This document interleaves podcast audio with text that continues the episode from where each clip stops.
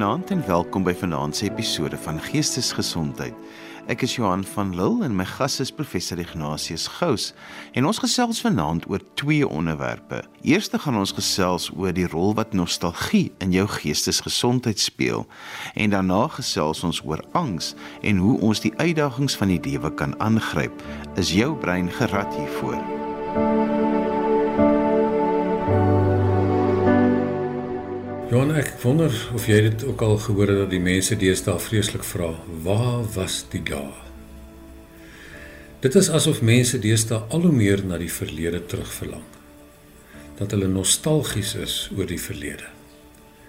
Nou wat presies is nostalgie? En watter rol speel dit in 'n mens se lewe? Is dit iets positiefs of is dit iets negatiefs? Is dit goed en gesond? Of trek dit ons aandag af van wat ons vandag moet doen? Is dit dus werklikheidsontvlugting wat ons verhoed om die hede in die oë te kyk of help dit vir ons om die hede beter te kan behartig? Kan dit dus deurgaan as behartigende gedrag of coping behavior? Die definisie van nostalgie is dat dit gaan oor heimwee of verlange. En die Griekse uh, woorde daarvoor is nostos of dis terugkeer en algos is pyn. So dis so half asof jy terugkeer na vorige pyn. Dit is op die ou end dus 'n sentimentele verlange na of 'n pynsende herinnering aan 'n vergange tyd. Nou hierdie term is op die ou end uh, of is oorspronklik deur 'n uh, Switserse dokter Johannes Hofer in 1688 uh, het hy dit gebruik om te uh, verwys na die belewennisse van uh, Switserse soldate wat van die oorlog af terugkeer en wat dan sekere herinneringe uit die verlede uit oproep. Maar ehm um, dit is anders hoe dit word deesdae anders gesien as melankolie of depressie. So wat ek hierna wil kyk is na nostalgie, 'n bietjie uit 'n neuroperspektief, maar veral oor hoe die uh, emosie aan mekaar gesit is en wat 'n mens op die ou end daarmee kan doen. Want dit is op die ou end 'n baie komplekse emosie, 'n samespel van 'n hele paar komponente. En dit is ook as 'n mens daarna verwys, is da, sien 'n mens hierdie kompleksiteit daarin, want dikwels gebruik ons 'n oksimoron om hierdie emosie te beskryf. Nou 'n oksimoron is 'n stylfiguur waarby twee teenoorgestelde begrippe met mekaar verbind word. Want oxos is skerp en moros is verspot. So as ons dus baie keer praat van nostalgie, praat ons van bittersoet herinneringe. So waar jy die twee teenoorgestelde dinge met mekaar in verband bring. Die interessante is dat nostalgie kom veral voor in tye van verandering. Dit is wanneer 'n mens uh, iets nuuts beleef of wanneer iets gebeur het soos 'n kind wat weggaan of iemand wat dood is of wat ook al dat 'n mens op in sulke tye uh, begin terugdink aan die goeie ou tye en dat 'n mens terugverlang daarna. Dit is dus wat ons noem liminale tye of liminal experiences, oorgangstye. En dit is tye wanneer ons steierwerke benodig. En uh dit is ook in om te kyk as 'n mens kyk na steierwerke in sulke tye. Dit is hoekom daar gewoonlik in sulke oorgangstye rituele is. Wanneer 'n mens die uh sê maar soos doop kry wat 'n mens begelei van uh nie wees nie na wees. Uh of wanneer 'n mens by volwasse wordering die uh, iets kry van 'n bar mitzwa of wanneer 'n mens met uh, van alleenheid na saamwees oorgaan en trou dan het jy 'n huwelikseremonie of wanneer jy by dood gaan na 'n begrafnis dis hierdie oorgangstye. Nou nostalgie is 'n emosionele begeleiding of emosionele steierwerk om vir ons te help deur uh, vir tye van verandering wanneer ons ook emosionele steierwerke of uh, ondersteuning nodig wees. Nou nostalgie kan positief wees sodat 'n mens kan terugverlang na die goeie tye en dit is wanneer 'n mens dus soet herinneringe het. Maar dit kan ook negatief wees wanneer 'n mens deurgaan tye van verlies of weggaan of wanneer 'n mens verlaat word en waar daar dis die bitter eh, deel van die bittersoet is. Iets anders wat 'n mens moet weet van nostalgie is dat daar 'n tydsduur aangekoppel is. En die interessante is dat hulle uitgevind het dat uh dit is gewoonlik positief as dit van kortere duur is. Jy weet dat 'n mens dink aan iets wat mooi was en dat uh, dit goed was en dat 'n mens uh, lekker daaraan terugdink en maar dan gaan 'n mens weer aan. Wanneer 'n mens egter te lank jou daaraan oorgee of te lank daarop uh tyd spandeer, dan begin dit 'n meer 'n negatiewe rol speel in jou lewe. So 'n mens moet ook dus kyk na jou eie uh ervarings van nostalgie, is dit kort of lank en wat is die aard en die invloed daarvan? Daar is 'n ander onderskeid wat 'n mens maak in daarmee en dit is dat nostalgie kan eerstens interpersoonlike ervarings wees teenoor intrapersoonlike eh, ervarings of individuele ervarings. Interpersoonlike ervarings is wanneer dit meer groepsverwant is. Ek dink terug aan die tye toe ons op skool was. Oeg, dit was so lekker uh om dinge saam met my vriende te doen of toe ons in die koshuis was of vriende wat ons gedoen het of uh toe ek 'n kind was in 'n familie en wat ons alles in die huis gedoen het of saam met my broers en susters. Dit kan ook terug uh wees met dinge so sosiale sisteme, jy weet, die daad toe ek voel alles het nog goed gegaan het in die sosiale of en selfs in die politieke omstandighede, die goeie ou daad toe uh alles nou reg was en vandag is alles verkeerd. So dit is nostalgie wat gekoppel is aan interpersoonlike ervarings. Maar nostalgie kan ook intrapersoonlik of individueel wees. Dit is wanneer ek dink aan 'n ervaring wat ek gehad het toe ek 'n geweldige mooi stuk musiek op 'n spesiale tyd in my lewe gehoor het. Of toe ek gestap het in die Drakensberge of uh in die Namib of waar ook al. En waar ek 'n ongelooflike persoonlike ervaring gehad het. Of uh, tye van sukses in my werk of vervulling in omstandighede in my verhoudinge of dies meer. So ons moet ook dus daardie onderskeid maak, weet waar op watter terrein speel dit af. Wat 'n mens moet onthou is dat nostalgie gewoonlik 'n bietjie meer rooskleurig is as wat dit werklik was. So 'n mens onthou dit dat dinge gewoonlik 'n bietjie beter was as wat dit toe was want jy uh uh vat die negatiewe mens vergeet 'n bietjie daarvan 'n mens vat dit uit jou uh, ervaring of uit jou herinnering uit. So dis nie 'n totaal korrekte interpretasie van gebeure nie. En moet mens moet dus as 'n mens hieroor begin nadink en beheer neem oor nostalgie, moet 'n mens op die ou end uh, dit in ag neem. Daar is ook 'n klompie ander verwante emosies. Mens moet nie dink dat nostalgie is soos ek gesê het iets wat oor dep soos depressie gaan nie. En die mens moet dit ook uh onderskei van sê maar iets soos trauma herinneringe. Want trauma herinneringe het gewoonlik net emosie en somatiese herinneringe soos wat dit in jou lyf gaan sit het en jy weet dat jy gevoel het met jou hart trek saam of jou spiere trek saam of jou skouers. En trauma herinnering het gewoonlik nie 'n samehangende narratief of 'n storie wat jy daaroor kan vertel nie. En daarom as mense by trauma herinneringe kom, voel mense dikwels net verward of iemand sê crazy as jy daaraan terugdink.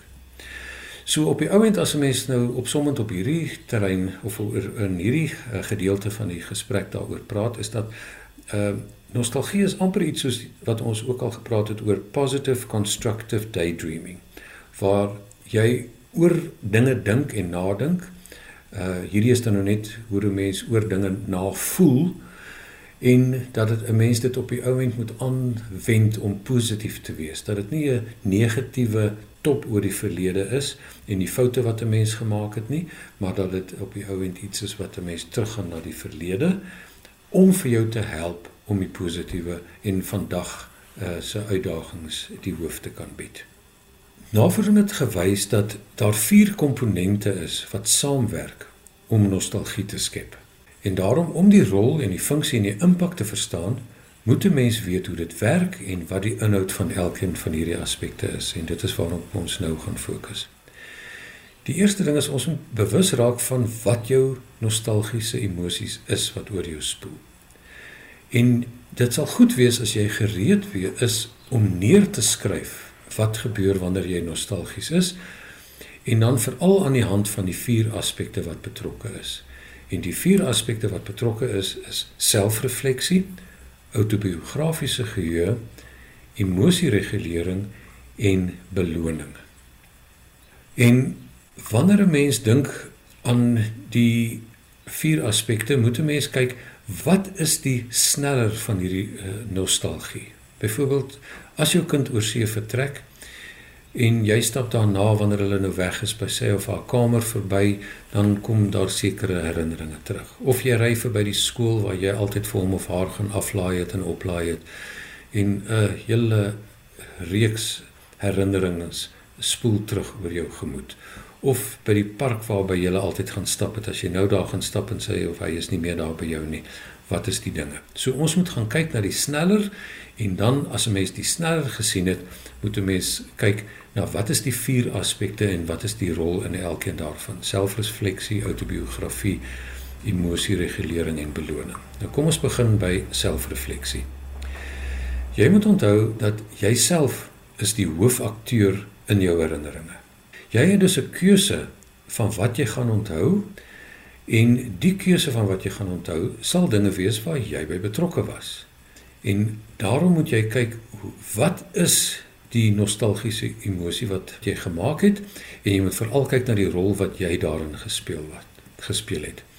Was jy die handelende persoon in hierdie ding? Was jy die aktant of was jy aan die ontvangkant waar jy ehm um, waar iemand iets aan jou gedoen het wat jou goed laat voel het.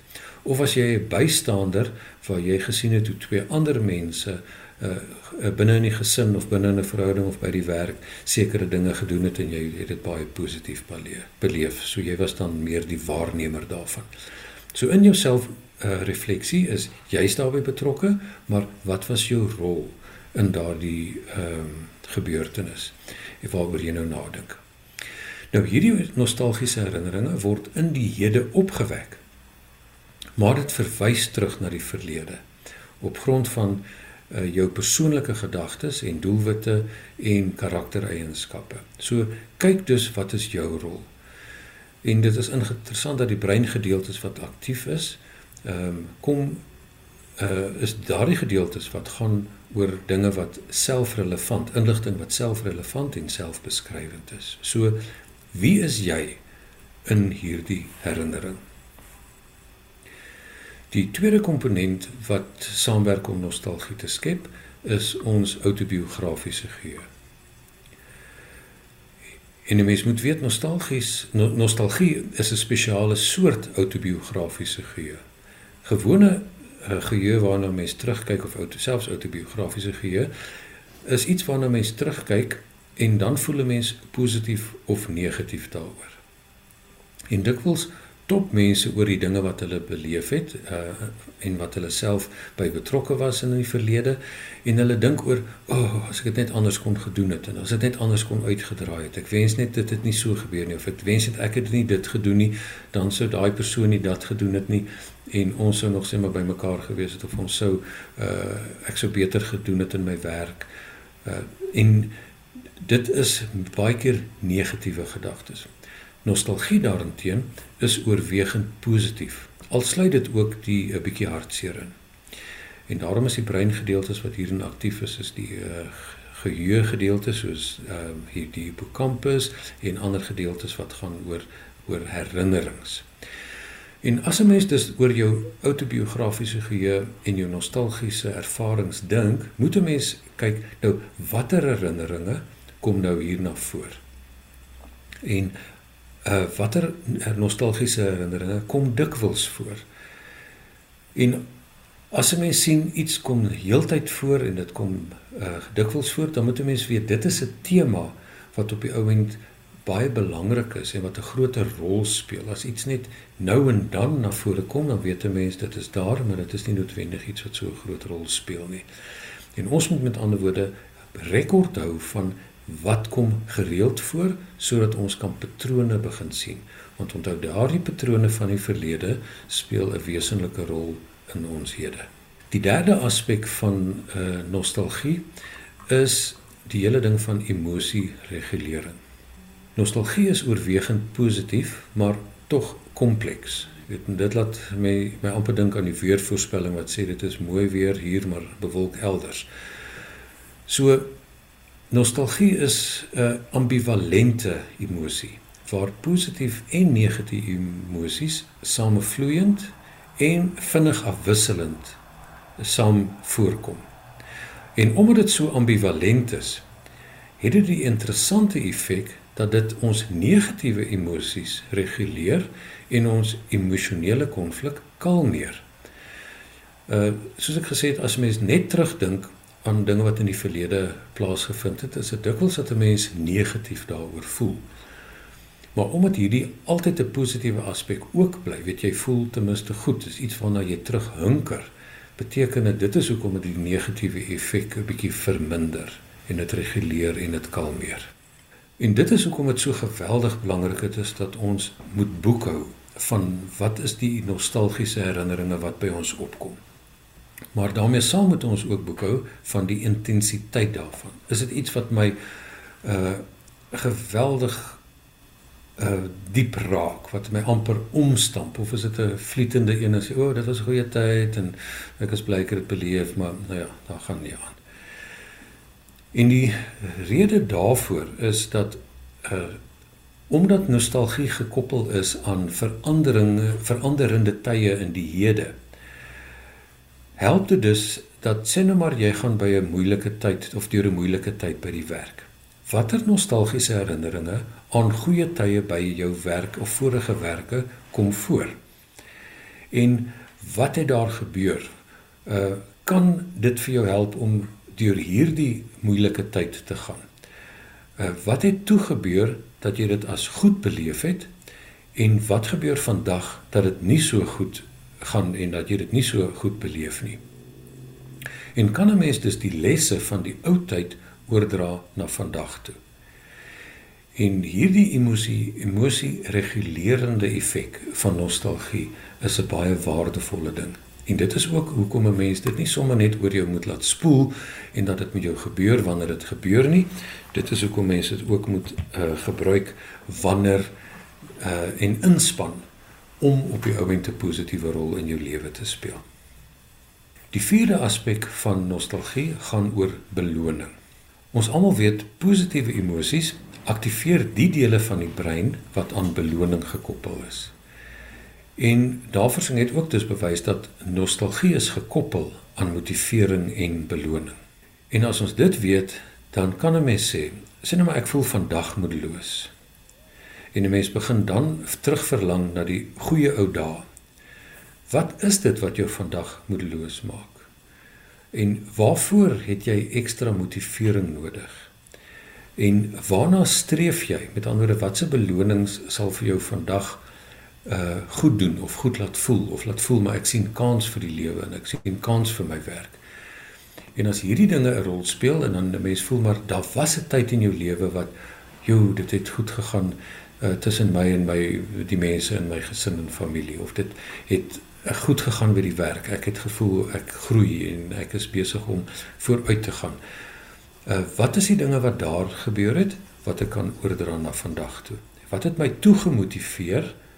En is daar dinge wat ek in my gebrek aan motivering vandag uh mis wat ek nou nie doen nie wat ek toe gedoen het wat ek nie vandag nie beleef nie wat ek toe beleef het wat my vandag nie goed laat voel nie wat my toe goed laat voel het en dat 'n mens kan sê nou maar kom ek span dit weer in en kyk wat daarvan is oorgedra al het die omstandighede radikaal verander en al is ek 'n nuwe mens of 'n ander mens en al is dinge onherroepelik verander in my lewe.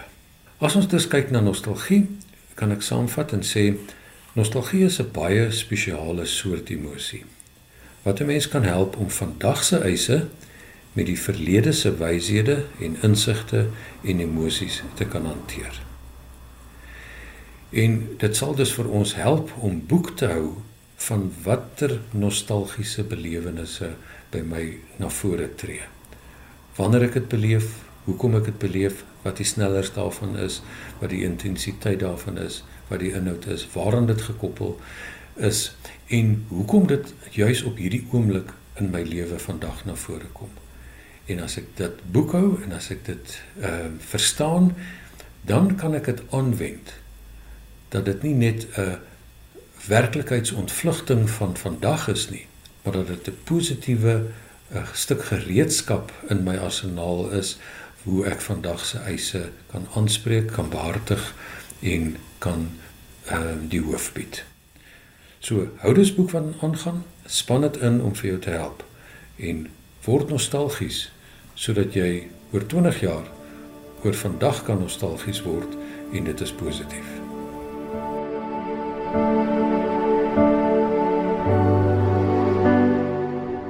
As jy sopas ingeskakel het, jy luister na Geestesgesondheid saam met my Johan van Lille. My gas vanaand is professor Ignatius Gous. Ons het die program begin met 'n gesprek oor die rol wat nostalgie in jou geestesgesondheid kan speel. Nou gaan ons gesels oor angs of soos wat professor Gous dit noem, benoudheid en hoe ons die uitdagings van die lewe kan aangryp. Is jou brein gerad hiervoor? Primêre taak van die brein is om ons aan die lewe te hou. Dit beheer ons basiese lewensfunksies soos ons hartklop, ons asemhaling en al die ander dinge wat ons nodig het om te leef en te oorleef. Maar dit beheer ook ons hoër funksies, soos om in sosiale strukture te funksioneer, die gesin waarin ons bly, die samelewing waarin ons leef, en verder ook om die uitdagings en die geleenthede van die omgewing te kan behartig, soos om te kan weet wat om te eet en te drink, watter bronne om raak te sien en te benut, maar ook veral om gevare af te weer. So dis hoekom jy 'n brein het. Die brein is dus hiervoor gerad. En oor tyd heen het die brein sekere strategieë ontwikkel wat bewys het dat dit effektief en funksioneel is en wat dus amper of heeltemal onwillekeurig aktiveer en na vore tree afhangende of en na gelang van wat na jou toe kom. Oorspronklik was hierdie tipe van uitdagings en die geleenthede van relatief kortstondige duur. Iets het gebeur en daarna was dit verby. So jy kon daarop fokus en daarna kon 'n mens weer ontspan. Maar tans leef ons in so komplekse en gedrewe omstandighede dat ons eintlik die heeltyd op bystaan is. Dat ons brein heeltyd geaktiveer is en kyk sonder ruspauses en dat ons selde ontspan.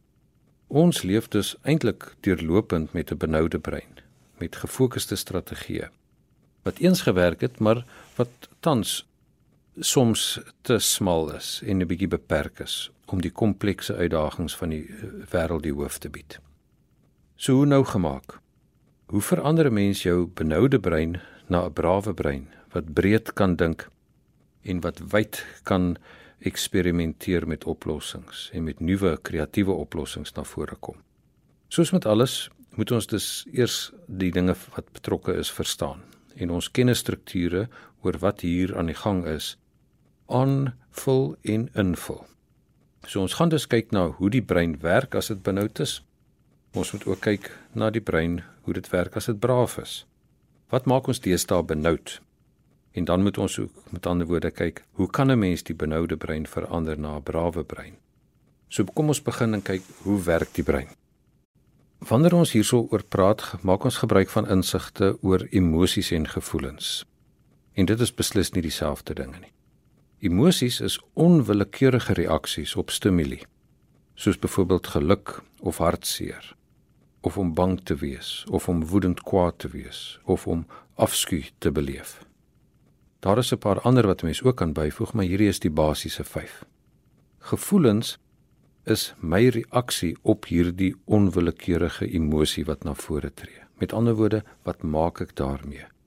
En wat maak ek daarvan? En hier het ek dus 'n bietjie beheer oor.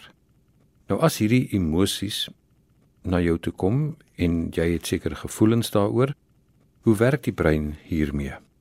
En wanneer ek hieroor praat, steun ek op die insigte van uh, eh, Dr. Stephen Porges en ook Corrigan. En hulle het gepraat van die polyvagal theory. Nou daar is ook kritiek hierop deur onder andere Paul Grossman oor hoe outomaties en hoe ingebore en hoe onwillekeurig dit is.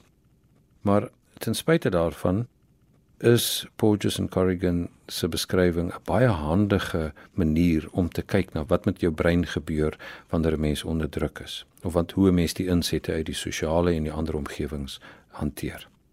Die eerste ding is natuurlik dat hier kom insette en dan moet ek dan word ek bewus daarvan en dan is daar twee volgende vlakke. Die eerste ene is die simpatiese vlak waar ek kan voel ek kan optree maar daarna is ook die parasimpatiese vlak waar ek voel ek moet oorgee.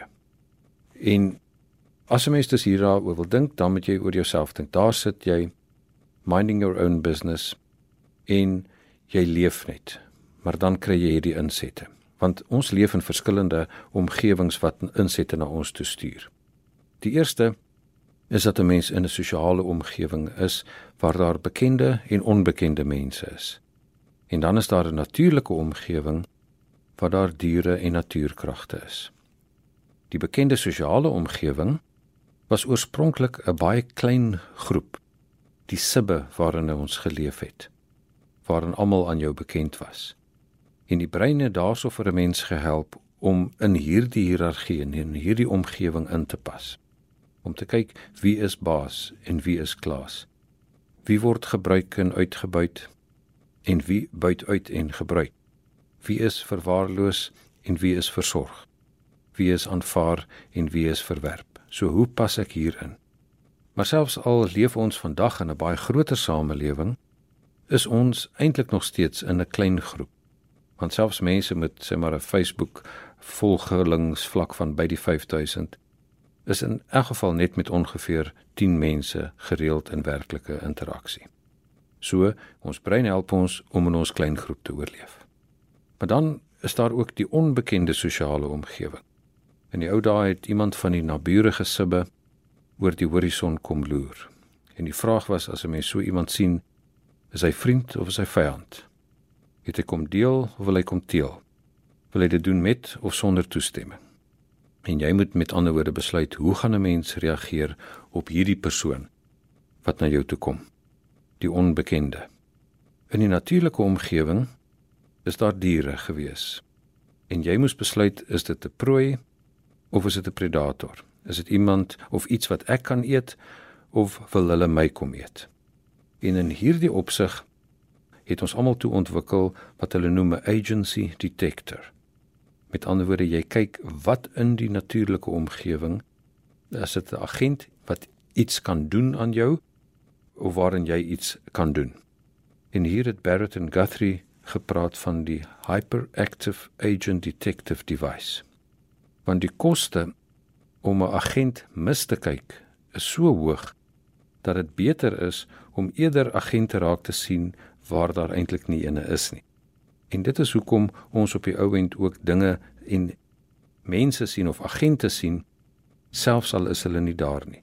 Dis hoekom ons gesigte in die wolke sien en in objekte of hoekom 'n kar lyk asof hy twee oë en 'n mond het of waarom mense dit in geboue raak sien. So hierdie agency detector, hierdie hyperactive agency detective device help ons om te oorleef in die natuurlike omgewing. Om te sorg dat jy nie 'n predator miskyk en misinterpreteer nie. Aan die ander kant is daar natuurlik ook in die natuur die kragte soos wind en water en vuur wat 'n mens jou oog op moet hou om te sien wat gaan gebeur en dat 'n mens kan wegkom as dit nodig is of kan skuil waar dit van belang is. So dis die eerste vlak. Ons beleef insette uit die sosiale omgewing van bekende en onbekende mense en die natuurlike omgewing waar daar diere is en natuurkragte. En nou moet jy besluit, nou moet jy beoordeel. Is dit iets wat my bedreig of is dit iets wat ek kan benut? As jy besluit dit is iets wat jou gaan bedreig, is daar weer eens verskillende vlakke. Aan die begin kan 'n mens kyk, kan ek iets hieraan doen? Met ander woorde, jy begin om te onderhandel uh of om te manipuleer om op hierdie manier te kyk, kan ek die mens wat na my, my toe kom uh, se insette hanteer. As 'n mens sien maar onderhandelinge en sulke dinge werk nie, dan kom veg en vlug aan die gang. Wanneer 'n mens wil vlug, wil jy wegkom en wil jy kyk of jy liewerster uit die situasie kan kom om te kan oorleef. Iemand het op 'n tydstip tong in die kies gesê: As jy met iemand in 'n uh, konflik is, moet jy eers 'n myl in sy of haar skoene stap. Want daarna is jy 'n myl weg en jy het sy of haar skoene. So vlug is 'n manier om weg te kom en te kom om te kom oorleef. En dit is ook hoekom baie van die drome wat mense het, is waar hulle weghardloop wanneer hulle gejaag word. Dit is dus 'n basiese oorlewingsmeganisme. Die veg is wanneer 'n mens sien vlug werk nie meer nie en nou moet ek verdedig om te oorleef of mens moet selfs aanval en wen en oorrompel. Wanneer 'n mens heeltyd in hierdie situasie is en in hierdie uh, reaksie toon en wanneer mense die heeltyd wil veg, dan raak dit so dat 'n mens ander mense se gesigte en hulle uitdrukkings verkeerd begin interpreteer. En waar 'n mens dus kan sien sien nou maar hulle lyk like, uh verbaas dat 'n mens dink maar eintlik is hulle kwaad. En dan raak 'n mens iemand wat met heeltyd met mense veg, selfs al is dit nie nodig nie. So wanneer dit nie net insidenteel is nie, maar wanneer 'n mens heeltyd in hierdie staat is, dan raak 'n mens heeltyd in konflik met ander mense betrokke. Dit is die gedeelte waar 'n mens voel jy kan nog iets doen. Maar daar kom ook 'n tyd wanneer 'n mens voel mens kan nie iets doen nie, wanneer 'n mens voel jy's totaal vasgekeer of daar sien nou byvoorbeeld uh, jy's in 'n vliegtyg wat besig is om te val of jy word in 'n badkamer toegesluit. Wanneer 'n mens dan besluit ek moet vries of ek word flou. Iemand het ook op 'n kol gesê Daar was ons 3 teen 300, 'n totale oormag en het ons nie die 3 laat les op sê nie. So wanneer 'n mens in hierdie situasie is, dan is die eerste manier om te hanteer dat jy sê kom ek vries en ek hoop ek word onsigbaar en hulle gaan my dan uitlos. En daar is baie voorbeelde waar mense in 'n situasie was waar hulle dood gespeel het om te hoop dat die gevaar dan gaan weggaan of as dit so bedreigend is dat jy voel maar hier is die einde nou dan val mense flou sodat jy ten minste die pyn kan hanteer en dat dit net kan verbykom. Die mense wat in hierdie situasie is soos vries en flou, dis hulle wat vatbaar raak vir dinge soos migraine of soos hulle ook sê in Engels the irritable bowel syndrome of fibromyalgie of onstabiele bloeddruk beleef. So hier kan ons sien daar kom insette na jou toe. Jy beoordeel dit as bedreigend en dan is daar twee vlakke waar jy kan sê ek kan iets doen, waar ek kan vlug of veg of waar ek voel ek kan nie iets doen nie. En dit is waar 'n mens vries of begin flou raak. So jy kan sien dit is 'n kleiner wordende kring van hanteringsmeganismes. Die benoude brein word dus die beperkte brein. Boerneef het op 'n tydstip geskryf: Ek is man alleen op 'n Vrydag aand en ek word stiller en stiller en doodstil later. As 'n mens egter hierdie insette beoordeel as nie bedreigend nie en iets wat ek kan benut, dan is daar ook die twee vlakke van waar ek dinge doen en waar ek nie dinge doen nie. Die eerste is waar 'n mens in plek van veg of vlug eerder mense tend and befriend met ander woorde betrek en bevriend. En dit is waar dinge dan in spel kom soos wanneer mens begin gesels of lag en speel en deel. En in sekere omstandighede waar kan dit dan oorgaan in flirtasie en bemin. En as dit uitspeel, dan kom 'n parasimpatiese gedeelte ook in spel waar 'n mens totaal en al ontspan. Waar 'n mens mekaar blindelings vertrou. Mens kan dit self sien amper op die rugbyveld wanneer uh sportspanne suksesvol is en hulle mekaar omhels wat hulle nooit sal doen buite die rugbyveld. In die intieme vlak het Joke Nikkel op 'n boek op 'n tydstip geskryf met die titel Naak en naby. So ook in hierdie vlakke is dit iets wat jy positief beleef waar 'n mens kan voel jy doen iets en dan is daar ook 'n tydperk waar 'n mens net eenvoudig totaal ontspan en in mekaar se arms lê. So dis hoe die brein werk. Nou oorspronklik soos gesê was hierdie dinge kortstondig en mense dit beleef en dit is verby en jy kon aangaan. Maar die probleem tans is dat 'n mens lankdurig in hierdie bedreigde staat leef. Omdat daar soveel kompetisie is. Omdat daar te veel mense is wat kompeteer vir skaarsbronne en mens arm en ryk het. En die omgewingsaanslag waar dit in die verlede vuur en water en wind was, is dit nou net werk en werk en werk. Waar 'n mens daar moet vure doodslaan en waar 'n mens in jou werk kop bo water moet hou en waar mens in jou werk die winde van veranderinge moet hanteer. So die resultaat is 'n mens probeer dit ook tans alles behartig met 'n benoude brein. 'n Brein wat beperkte strategieë het. En die gevolge dus is dat 'n mens 'n uitgebrande brein kry en burn-out beleef. En 'n ware mens veg en aggressie beleef en waar mens ander mense heeltyd sien as iemand wat vir my wil aanval en wat ek my teen moet verdedig en wat ek aggressief teenoor moet wees. Of waar ek moet vlug dat die dinge te veel raak, dat ek moet onttrek. En die ergste manier van onttrekking is selfdood, waar ek sê maar ek kan dit nie meer hanteer nie. Of waar 'n mens sê ek moet vries, waar jy gaan lê, waar 'n mens nie eers meer probeer nie, waar jy flou word en afgestomp raak. So, dit is die dinge wat gebeur en nou moet 'n mens vra, kan 'n mens hierdie dinge verander? Kan 'n mens verander van 'n benoude brein na 'n brawe brein toe? Die vraag is, kan jy dit verander? Daar was op 'n tydstip 'n baie interessante televisieadvertensie van Kikero Pharmaceuticals waar hulle 'n nuwe middel uh geadverteer het, naamlik Rumyodin. En hulle het gesê Hierdie middel neem vrees totaal in weg en dit is oorspronklik ontwikkel vir soldate sodat hulle vreesloos kan gaan veg. Maar nou is dit uh vir siviele mense beskikbaar gestel die eerste keer. Die persoon wat hierdie advertensie opgestel het, was Darren Brown. En hy het 'n toetsgroep gehad waar hy hierdie mense die middel gegee het en almal het gebaat behalwe een. Almal het ervaar dat hulle hulle vrees totaal en al kon wegkry en dat hulle dit kon hanteer. Maar die feit van die saak is Darren Brown was 'n kulkunstenaar, 'n illusionist.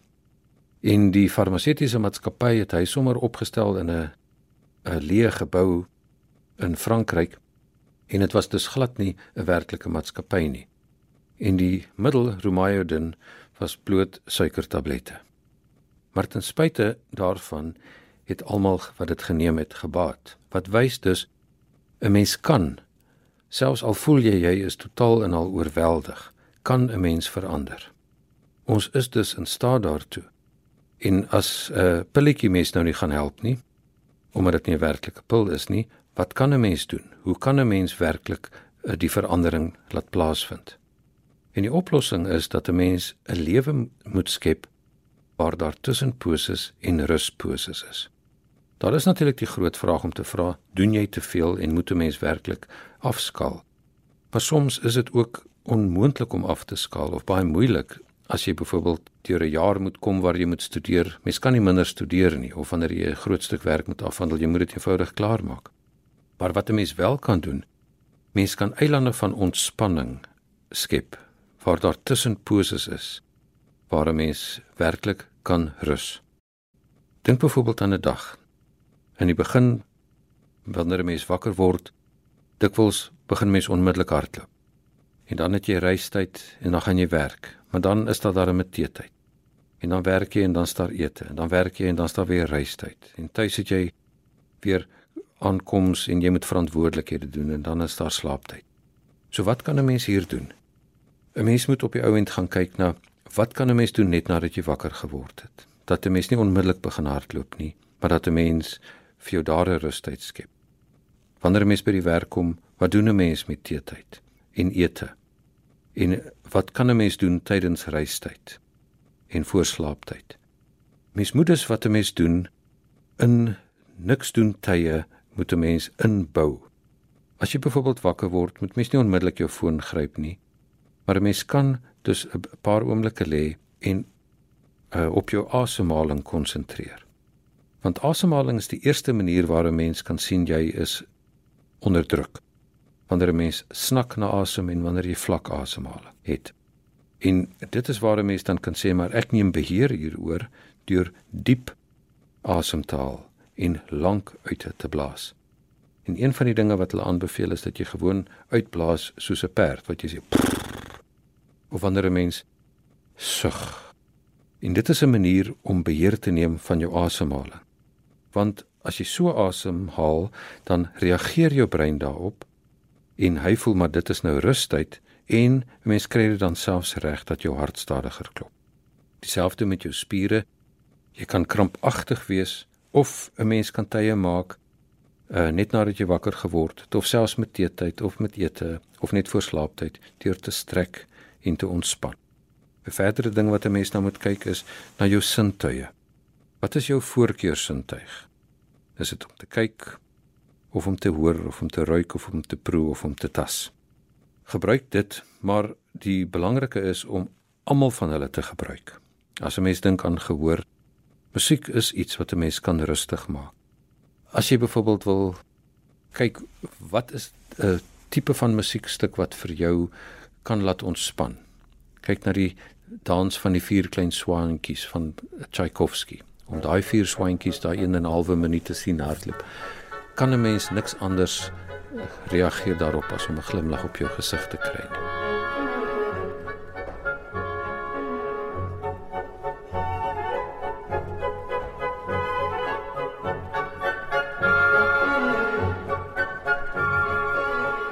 of luister na Now We Are Free from the Gladiator, gesing deur Lisa Gerard. Interessant genoeg sy sing daar in 'n idioglossia wat 'n privaat taal is wat sy ontwikkel het vandat sy 12 jaar oud is. En 'n idioglossia is 'n taal wat net een of baie min mense praat.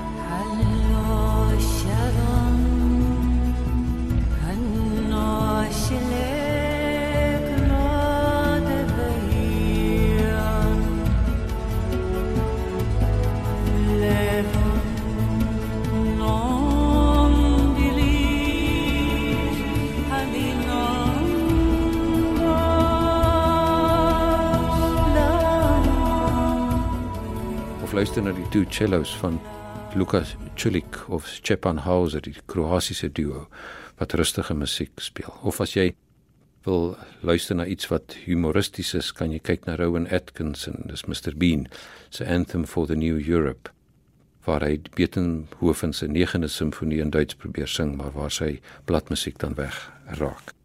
So gehoor en musiek is iets wat jou kan laat ontspan. Kies iets, kies 'n paar dinge waarheen jy kan gaan en waar jy gaan luister as jy rustig wil word.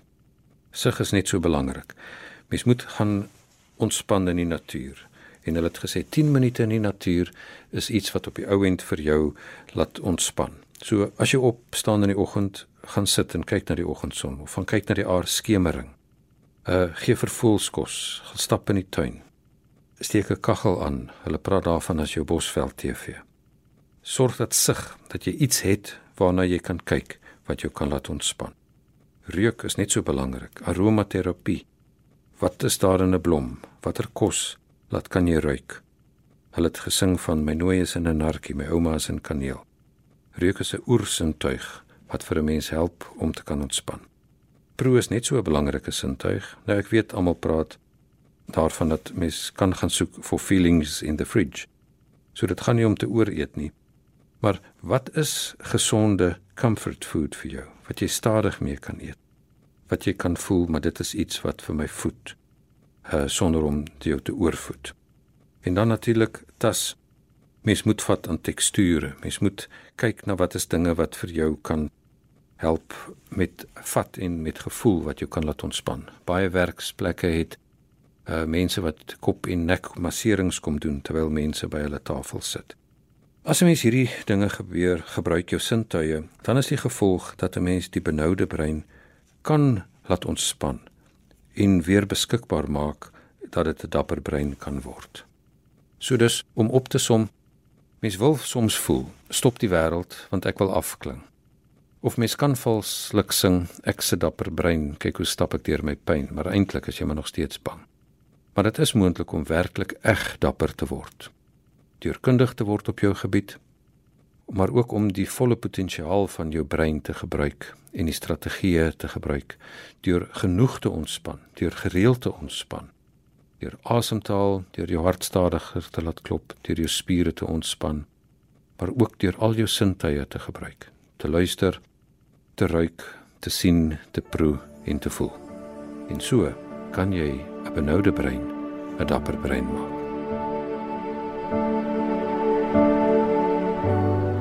En daarmee ons gekom aan die einde van vanaand se geestesgesondheid. Onthou jy kan weer na vanaand se program luister as 'n pot gooi en laai dit af by resgep.co.za. Skryf gerus vir my 'n e e-pos by Johan van Lille@gmail.com en onthou daai Johan het net een N. En daarmee groet ek dan vir vanaand. Kyk mooi na jouself. Tot volgende keer van my Johan van Lille. Totsiens. thank you